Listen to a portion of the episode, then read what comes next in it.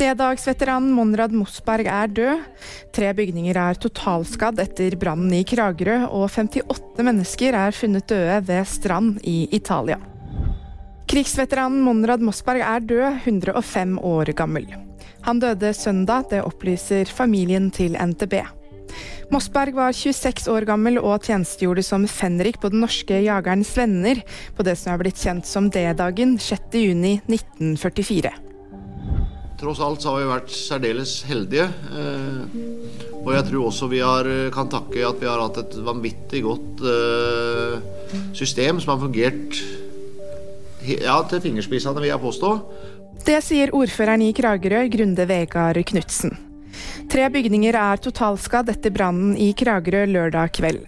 Flere av bygningene som på lørdag ble evakuert, er frigitt, som betyr at beboerne kan vende tilbake. Politiet jobber nå med å kartlegge brannårsak og om det kan ha vært noen i bygget.